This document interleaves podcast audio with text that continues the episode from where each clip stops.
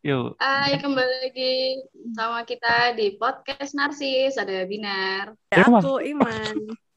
Ada Dadis. Ini memang baru perdana kita take podcastnya remote alias dari rumah masing-masing karena emang lagi kondisi PPKM darurat ya ini kita sekarang ya. Ya, ya. Ya, kita benar, benar. Online. Heeh, online nih. Kalian apa kabar dulu nih Kamu Mas? dari Alhamdulillah, Imas baik di rumah. Insya Allah bebas dari virus-virus. Kalau aku baik-baik. Malah seminggu kemarin, eh dua minggu lalu WFH jadi nggak apa-apain di rumah. Tidur, makan, tidur, makan. Lo kenapa itu WFH? Soalnya di kantor banyak yang kena. Ada belasan ya. Eh, ini nih. Nah. Ngomong-ngomong soal PPKM darurat nih kan ini kita Hmm. lagi take podcast kan remote kan. Ah, Terus kabar kalian alhamdulillah sehat-sehat juga. Eh, ya. BTW kalau tadi Danis tuh ya, kerjanya cuma makan, tidur, gitu-gitu. Ntar kayaknya bentar lagi Idul Adha kita udah ada korban yang bisa kita serahkan kepada masjid setempat ya kayaknya ya. Aduh, aduh. Langsung ya. Jadi emang dari dari dari dini Bu ditanam Bu, Eh, disiapkan. eh, pupuk ya. Ya, Ini Apa kabar saya? Apa kabar Ibu gitu kan? Bener-bener. ini, ini, ini nih. Ngomong-ngomong soal COVID, aku punya Ah. tamu spesial deh. Waduh, siapa akhirnya. nih? Nih, Podcast semua, Ini, semua kita udah kenal semua nih. Udah kenal, dia COVIDer lagi. Astagfirullah. gitu dong. Dia lagi menjalin hubungan dengan COVID. Lagi Dan- kuliah ya. Iya, dan kita nggak perlu lama-lama lagi. Kita panggil, ini dia Nanda Srafila Mentari. Aku harus bangga atau gimana nih guys? Eh, sebenarnya momen kita bangga adalah bangga punya bintang tamu ya. Tapi kalau pas kamu lagi sakit kebetulan eh, semoga Iya. lekas sembuh. Iya. Coba Amin ya kita- Allah. Coba kakak Nanda kenalin diri dulu, mungkin ada yang nggak kenal. Ya, nama saya Nanda guys. Kayaknya kalian pada kenal. Suara aku rada ngapak-ngapak dikit sih. Iya, di diperkenalkan ya Nanda ini putra Purwokerto, eh putri Purwokerto. ya. Mm-mm, Iya, putri tolong. daerah kebetulan. Putri daerah. Karena temenan sama temenan sama Danis kan karena Danis putra daerah kan temenannya sama yang sama. temennya Iya, putri Kak. daerah. Eh, memang kebetulan putri. Sebenarnya Iya. Danis masuk kategori putri juga bisa ya. Bisa, Tergantung bisa. Nah, Iya. Dan adiknya juga namanya Putri itu. Oh, oh, Eh, kebetulan lucu banget. Ya cuman kembarannya eh, kita tadi nggak nggak sebut kontak ya kita kontaknya yang bisa aja lah Oh bisa. Enggak, kontaknya yang positif aja gitu kan. Oh, kalau itu kita belum tahu jadi gimana kabarnya nih Hmm. Nanda nih kita manggilnya Banda ya guys ya jadi ini kalau kita ban ban gitu kayak jangan dikiranya kita manggil siapa gitu Mbak Nanda. Ya. Ya, Ayo, guys. Suara aku seksi banget kan? Mulan Jamila kalah Iya. Mau tanya apa nih guys? Ayo. Oh ya, jadi pertama Mbak Nanda nih gimana kabarnya? Kurang baik seperti yang kalian Oh. lihat. Mm-mm. Dengarkan dong. Ya. Kenapa? Dengarkan. Kan kita lagi lagi Iya. Oh iya ya, mereka nggak ngeliat aku ya. ya menurut kita Ya, kurang baik. Bisa, Eh, eh, iya, bisa didengar suara aku ya. Liatin, dengerin suara aku. Eh, tuh Anu. kan nggak sehat guys. Jelasin dulu, Mbak Nanda sedang menghadapi apa sekarang? Kenapa, Ya, kenapa bisa seperti jadi- itu? Kenapa bisa COVID? Aku nggak tahu kenapanya ya. Karena kalau kita cari aku ketularan dari mana, terus dari siapa gitu, nggak bakal selesai kayaknya. Terus juga bikin imun tambah turun kan, kayak wah aku kena dari dia, dari dia, dari dia gitu. yang jadi fokus aku sekarang tuh yang penting aku sembuh dari mananya tuh ya ya udahlah dipikir nanti gitu. Nah, aku tuh jadi pertama banget kena itu aku demam. Tiba-tiba demam siang, siang-siang tuh lagi terik-teriknya Jogja. Aku tuh merasa kedinginan, guys. Dingin banget gitu rasanya. Ternyata pas aku uh, cek suhunya, suhunya itu di kisaran 39,6. Jadi oh, banget ya udahan ya tinggi banget ya demamnya ya kalau kayak gitu ya. Mm-mm. Emang rata-rata segitu temen aku juga yang positif katanya segitu 39,6 gitu. Nah, selain itu yang aku rasain tuh kepalaku tuh pusing migrain, tapi tuh hebat gitu loh pusingnya gimana ya? cekot cekot cekot cekot tapi gimana ya nggak bisa diceritain guys jadi kayak pusing banget gitu. kepalanya ya Mm-mm, kepalanya tuh kayak kenceng gitu terus tenggorokannya sakit kayak mirip-mirip mau flu awal-awalnya terus itu cuma sehari uh, dirasain enggak jadi tiga hari Eh, oh, tiga hari itu beda-beda. Tiga hari beda-beda, cuma aku demamnya selama tiga hari. Demamku nggak turun kalau nggak minum obat gitu loh. Jadi, oh. mm -mm, jadi demamku uh, di kisaran segitu terus, turun dikit tuh paling di 38 itu kalau aku minum paracetamol. Kalau enggak, tetap masih di 39,6, 39,1 kayak gitu. Nah, gejalanya tuh berubah-berubah, tapi demamnya stuck kan, masih stuck. Di hari kedua ini, tenggorokanku udah nggak sakit, tapi muncul pilek sama batuk di hari kedua. Terus lidahku mulai pahit gitu loh, jadi kayak makan apa pun tuh di mulut pahit dan mual, jadi kayak nggak doyan makan di hari kedua. Terus hari ketiga itu, uh, mulai nggak bisa nyium bau aku. Jadi masih oh, bisa ya, nyium ya, tapi ya. masih kenapa? Progresnya cepet kayak langsung demam, batuk pilek, terus anosmia. Iya, mm -mm, cepet cepet. Nah di hari ketiga ini aku baru mutusin buat tes buat swab kemarin karena aku pikir tuh nggak beres dan temanku juga ada yang ngabarin positif. Jadi aku pikir, wah ini ada yang nggak beres nih gitu. Terus kemarin aku tes ternyata bener dong positif. Sebenarnya aku udah dalam hati tuh udah ya udahlah kalau positif nggak apa-apa. Tapi faktanya lihat tulisan positif aku nangis di tempat guys. Oh iya sih, maksudnya kan sedih banget kasihan hmm, karena kan ya. kan kita cuma dengar-dengar kabar siapa gitu yang nega yang iya. positif terus tiba-tiba mm -hmm. kondisi sendiri kayak gitu ya apalagi uh, sebagai cewek-cewek ya pasti kalau aduh lihat iya melo guys. gitu. tahu uh, kita terpapar apalagi lagi lihat-lihat berita gitu kan. Banyak banget yang update meninggal meninggal covid. Pikiranku udah ke mana-mana guys. Gila aja. Terus akhirnya aku sekarang memutuskan nggak main Instagram. Dan semua apa story WhatsAppku aku ini bisukan udah baik hmm. gitu berarti menghindari sosmed dulu nih ya biar imunnya hmm. naik dulu betul terus, tapi uh, di hari kenapa terus abis itu setelah menerima hasil positif berarti ini sedang isoman atau karantina di mana gitu? Isoman, aku isoman sendiri sih di kos. Karena kondisiku kan kalau demam itu katanya itu gejala ringan.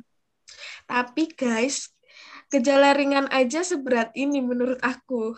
Jadi kalian pada jaga kesehatan ya guys, tolong. Uh, dengarkan ya yang masih bandel keluar. Uh, uh, jadi kalau yang bilang COVID nggak ada sini sini, aku hahin biar kalian kena juga. buat, buat temen-temennya uh, Mas antangin Jerings ya, antangin CRX ya, minta tolong konspirasi-konspirasi apa konspirasi nih COVID nih beneran ada gitu loh. Ah, iya. Kalau sekarang kondisinya Terus udah baikan atau gimana, Ban? Sekarang di hari keempat, alhamdulillah sih panasku udah udah di udah normal, suhuku udah di 36,8 kayak gitu. Oh, Terus bukan, bukan. juga Kondisi hubungan suami istri ya? Ya, enggak. kurang kurang baik. Ya gimana?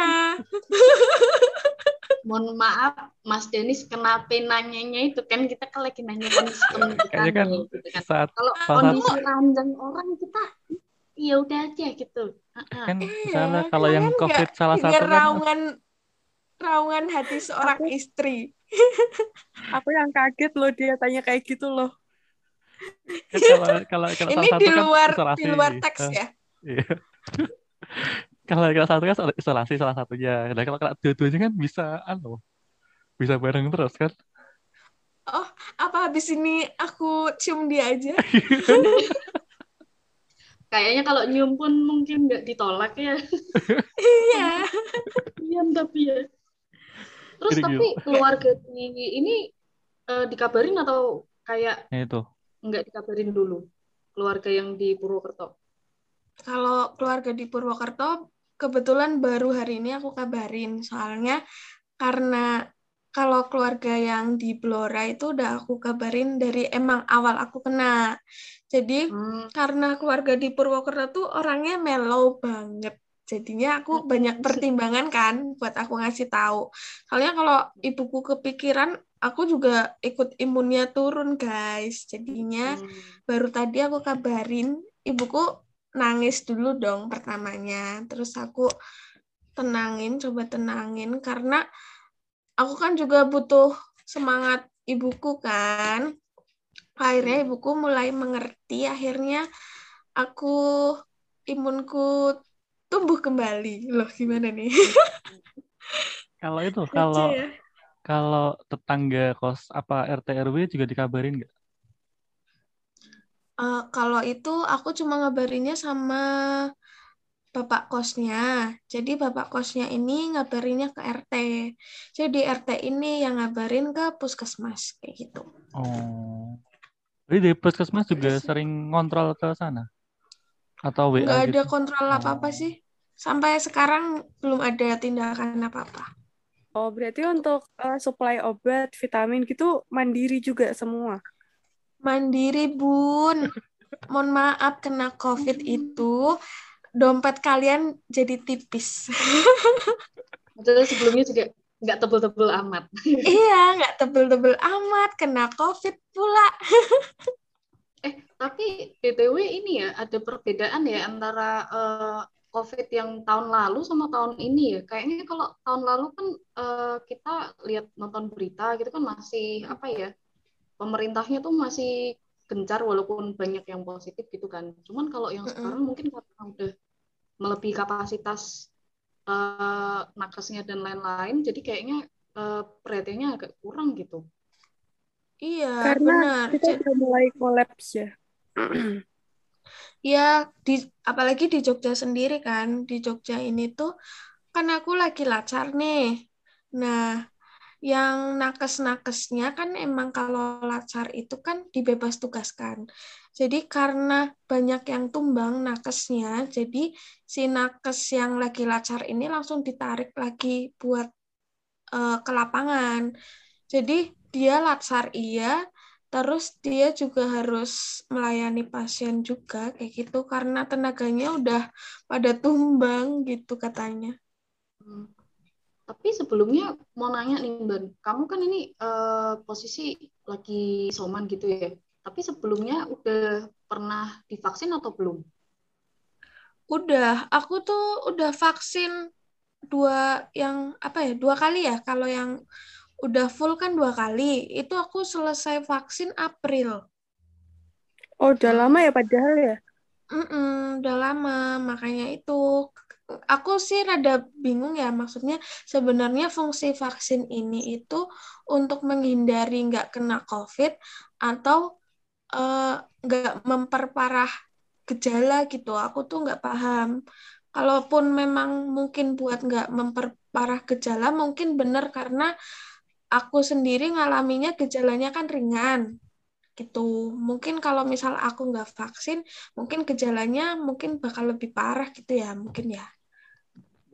Eh, aku kan juga dapat info dari temanku yang perawat itu juga eh, vaksin itu bukan untuk memproteksi kita dari COVID-nya, tapi cuma mengurangi gejala yang timbul akibat COVID-nya aja.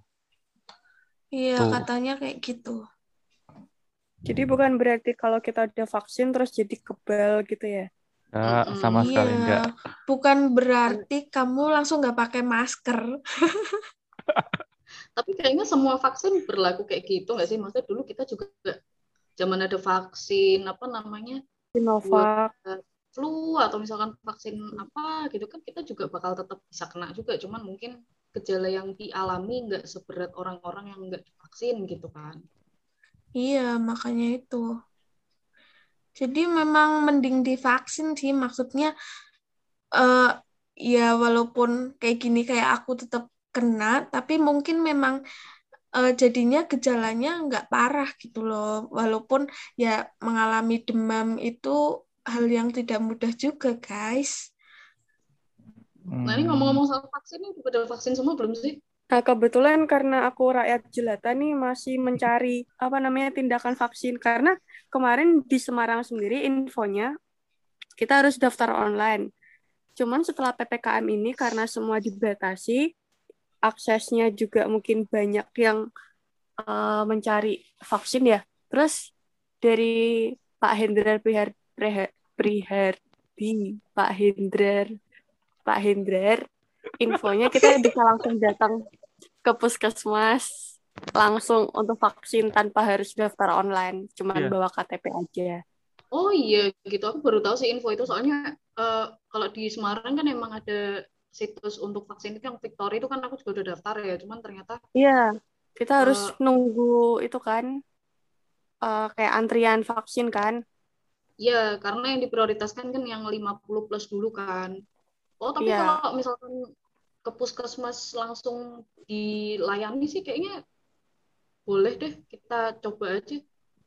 Iya, mungkin bisa Ah, dicek guys. info lebih lebih lanjutnya di Instagram eh, Semarang, Kota Semarang atau Pak Hendrar Prihadinya sendiri. M- Mending manggilnya Pak Hendi aja deh. Im dari tadi ribet manggil namanya tuh. Iya, aku ya, juga Bu. dengernya belibet, guys. Eh, eh, biasa Mohon, dipanggil mohon aja maaf, Pak Hendi aja tuh. Aman tuh. Pak Hendi. Oke, Kalau oke, oke. Dennis berarti udah divaksin ya? Udah, udah. Eh, aku udah udah dia vaksin kapan ya? Februari lalu terakhir. Vaksin kedua. Hmm. Dan itu benar kata Imas di di Semarang atau Jogja pun kayak gitu. Jadi ada lokasi-lokasi yang ditentuin pemerintah buat vaksin untuk eh, warga daerah itu ataupun non daerah itu. Jadi tinggal kalian bawa KTP aja.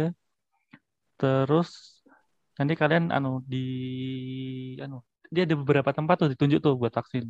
Di Semarang tuh ada Poltekkes Semarang tuh termasuk bisa atau di puskesmasnya gitu. Jadi nanti kalian langsung aja ke sana. Nah, terus ngomong-ngomong soal eh, ini kan kita lagi PPKM darurat nih. Terus kalau untuk Banda yang lagi isoman, kayak untuk eh, makan, terus beli obat atau mungkin beli keperluan lainnya, mudah atau susah nih kalau lagi kayak gini keadaannya di sana? Eh, sejauh ini sih alhamdulillah masih gampang ya. Karena aku selama PPKM ini aku nggak melihat dunia luar, jadi yang cari makan suami aku. Jadi jadi selama ini sih kayaknya baik-baik aja soalnya aku obat alhamdulillah butuh apa ada. Terus mau makan juga pengen ini ternyata masih bisa diorder kayak gitu. Jadi walaupun PPKM tapi masih bisa sih kalau order. Mungkin yang nggak bisa kalau dine in kali ya. Kalau take away Mhm. masih bisa. Iya, take away masih bisa. Mm-mm. Eh, mungkin bisa diceritain dong kalau misal dari sisi penderita COVID seperti Mbak Nanda ini, Penderita. Pasien, Iya, ya. Kalau Iya, penderita kayak, aduh, Iya Kita ya, nggak apa-apa nggak apa. Aku sadar diri mas. Enggak. Kita yang sehat pun sebenarnya juga ya OTG OTG juga kita gitu. Iya, jadi Iya. kita sebenarnya OTG cuman mungkin nggak sadar ya. Potensi aja. potensi membawa virus gitu, walaupun kita emang sehat-sehat aja gitu. Karena memang Tadi- di Indonesia kan tracing tracingnya sendiri kan belum rata ya kayak di negara-negara lain. Jadi eh, semua warganya tuh ya ada yang mungkin sama sekali belum pernah swab atau bahkan antigen atau bahkan dulu zaman dulu tuh yang rapid apa itu gitu loh. Ya. Dari sisi Mbak Nanda sendiri, seberapa chaos sih apa namanya keadaan ini maksudnya dari PPKM sendiri, terus dari sisi fasilitas kesehatan atau apa pun, mungkin harapannya sebagai penderita COVID ini maunya maunya kayak gimana gitu. Kalau Mungkin kan dari ada aku masyarakat ya, eh, masyarakat-masyarakat yang mungkin gue kena nih, terus bingung mau ngapain gitu kan, kayak informasinya belum betul tersampaikan dengan baik gitu. Kalau Iya, dari kalau kalau dari aku ya kan kerja juga, maksudnya alhamdulillah ada penghasilan gitu kan. oke. Nah, itu aja aku merasa sangat berat kayak pengeluarannya tuh banyak banget gitu loh. Jadi kalau bisa pemerintah tuh memfasilitasi buat swab gitu loh. Maksudnya biar orang-orang yang misal ada demam kayak gitu loh, dia tuh nggak pikir panjang buat swab karena swab sendiri tuh mahal banget guys. Maksudnya menurut aku aja mahal. Jadi aku cuma swab yang apa sih satunya Antigen. PCR tuh Antigen. antigen itu 185.000 paling murah ya 150 gitu kan nah kalau orang yang nggak punya bayangin aja 150 keluarganya misal empat orang yang harus dia swab udah berapa coba jadi kan sebenarnya banyak orang-orang yang mungkin demam sebenarnya dia positif tapi dia memilih untuk tidak memeriksakan diri kan karena mahal jadi kalau Iya, bisa iya, sih betul. pemerintah tuh memfasilitasi itu kayak gitu loh maksudnya. Nah, terus di sisi lain juga kalau memang udah ada laporan yang positif seharusnya langsung ditindaklanjutin gitu loh. Maksudnya gimana ya? Didatengin atau gimana gitu. Kalau aku kan bener-bener nggak ada apa-apa gini. Maksudnya sekarang pun nggak ada tindakan apa pun gitu loh. Gitu. Jadi aku merasa Oh, gitu. juga kurang ada tindakan yang preventif gitu apa yang gimana gitu loh gimana sih jadi aku merasa dibiarkan jadi kalau aku sebenarnya orangnya jahat nih aku tuh bisa keluar aja cari makan gitu loh jadi sebenarnya yang bikin aku isolasi mandiri kayak gini kan ya dari diri sendiri gitu kan gitu Hmm. Itu kalau itu kan dari kamu, dari Mm. kamu sebagai covider tuh, Ben. Mm-mm. Nah, untuk orang-orang di luar sana yang belum kena COVID, kamu ada saran dan nasihat nggak buat mereka? ya buat yang di luar sana pakai masker pokoknya walaupun memang engap tapi kalian itu bisa membahayakan orang lain. Ya mungkin kalian masih muda kalian merasa nggak apa-apa. Alah paling cuma kena flu paling kayak flu. Tapi orang tua kalian misalkan kalian pulang orang tua kalian kena kan belum tentu apa ya eh, efeknya kayak kalian juga maksudnya cuma flu doang gitu loh. Maksudnya sekarang juga udah banyak contoh yang meninggal karena covid gitu aku pun sendiri sekarang kena covid denger berita kayak gitu nurunin imun banget guys. Maksudnya lihat di mana-mana meninggal dari mana-mana meninggal itu tuh awalnya dari kalian yang nggak eh, ikutin prokes gitu. Jadi menurut aku kalian harus prokes di mana pun kalian berada. Kurangin kumpul-kumpul dulu. Maksudnya eh, walaupun cuma tiga orang, itu juga kalian harus pakai masker. Jangan menganggap remeh gitu. Gitu sih menurut aku. Luar biasa kakak Nanda kita ini.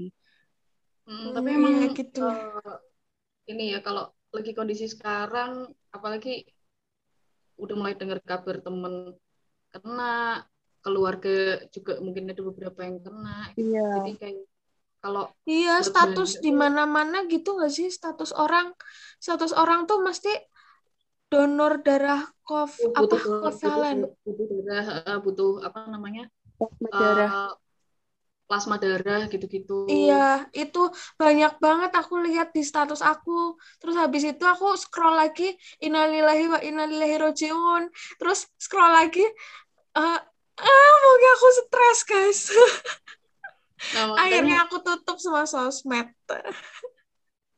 tapi yang paling penting mudah-mudahan sih lekas pulih, lekas sembuh. eh, semoga imunnya segera naik biar nggak nggak kepikiran yang walaupun ya di luar sana emang lagi kondisinya nggak nggak bagus ya gitu loh. Iya. Mm-mm. Ya udah nih kita bertiga remote dulu aja ya guys ya. Kayaknya untuk se- sementara waktu ke depan nih ya. Sementara Ini yang dari paling aman. Virtual sih. terakhir nih dari Banda nih. Eh, apa namanya? Kan tadi tips and trick udah ya. Maksudnya semasa kita lagi PPKM darurat ini harus ngapain gitu. Terus eh BTW kita juga eh, karena nggak cuma Dani sih, aku juga penasaran kan tadi kita kan sebelumnya udah ngomongin makan yang enak-enak ban biar imunnya naik gitu. Mm-mm. Terus kalau yang kegiatan enak-enak lainnya berarti lagi berhenti juga ya? Yang apa nih? Contohnya seperti sedekah gitu kan. Iya, sedekah Langsung masih bisa jalan. Kan bisa bisa online. Ada kita Oh iya, bisa, bisa online. Iya, Cuma bener. enak-enak yang dalam arti khusus ini memang susah dilakukan. Oh gitu, oke. Iya. Dirapel ya. Iya, tolong. Heeh, kalau buat Pak Sutri itu esensial banget ya kayak Malik ya. Malik yang Iya. esensial. Betul, betul. Kalau Ini aku kalau kan baru ini baru empat hari. Enak-enaknya Oh. 10 hari lagi loh. Oh gitu.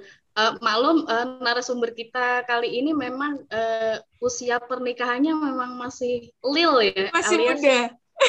eh, masih batita lah ya, masih tahun. anget-anget Masih anget emang, eh, eh. tapi kebetulan Banda harus menjalin hubungan dengan yang lain yaitu COVID gitu Iya. kan. Hormonnya lagi Iya. tinggi itu. Hormonnya lagi tinggi. Hormon COVID-nya. Ini kok jadi konten dewasa gini sih? Siapa tahu ini yang dengerin anak TK loh. Wah, belum nyampe dulu. Nah, nanti kalau ada yang anak-anak nanti eh, kita sensor aja bagian itu. Nanti kita langsung japri ke ibu-ibunya aja. Jadi ini kan hari keempat nih. Berarti tiga hari sebelumnya kan hari pertama, ibaratnya hari pertama sampai ketiga kan masih kontak sama suami. Dari suami juga nggak ada gejala apa pun. Enggak sih, aku pertama demam, kita langsung pisah ranjang karena aku udah merasa ini nggak bener gitu loh. Maksudnya karena kayak mau flu ini tuh nggak kayak aku mau flu biasanya gitu loh. Tahu nggak Iya. sih? Jadi karena tiba-tiba panas, terus tiba-tiba pusing banget gitu, pusing hebat, tiba-tiba kedinginan, pokoknya serba tiba-tiba gitu. Jadi aku udah ngerasa awalnya kayak ini kayaknya gejala COVID deh gitu. Jadi dari situ aku langsung mutusin pisah kamar. Jadi alhamdulillah pas eh, kita swab aku positif, dianya negatif gitu. Oh gitu, berarti emang udah prevent dari awal ya. Udah kayak Ya. Apa gitu ya, ya ya. Sekian perbincangan kita dengan eh, teman kita nih yang eh, sekarang lagi isoman. Mudah-mudahan lekas pulih. Mudah-mudahan juga nih kelar juga nih pandeminya nih kan kita kangen juga nih ketemu langsung ngobrol langsung kan lebih enak gitu. Mm. Iya, Thank buat you, teman-teman teman-teman. kalian. Masa- Teman juga cepat pulih. Amin, Iya. amin. Amin. Thank you ya Mbak, udah mau Ya. Ya, kalian sehat-sehat juga ya. Iya. Sehat-sehat juga. Amin. Jangan lupa pakai masker tiga Iya. lapis. Eh, sekarang berapa lapis ya? Dua. Hapusan. Kayak yang itu seperti Dua. Satu. Iya, dua lapis. Walaupun engap, yang penting kalian sehat, guys. Amin. Pengajian Ya. kita nih. Dadah. Dari kita. Dah. Dadah Manda. Yeay.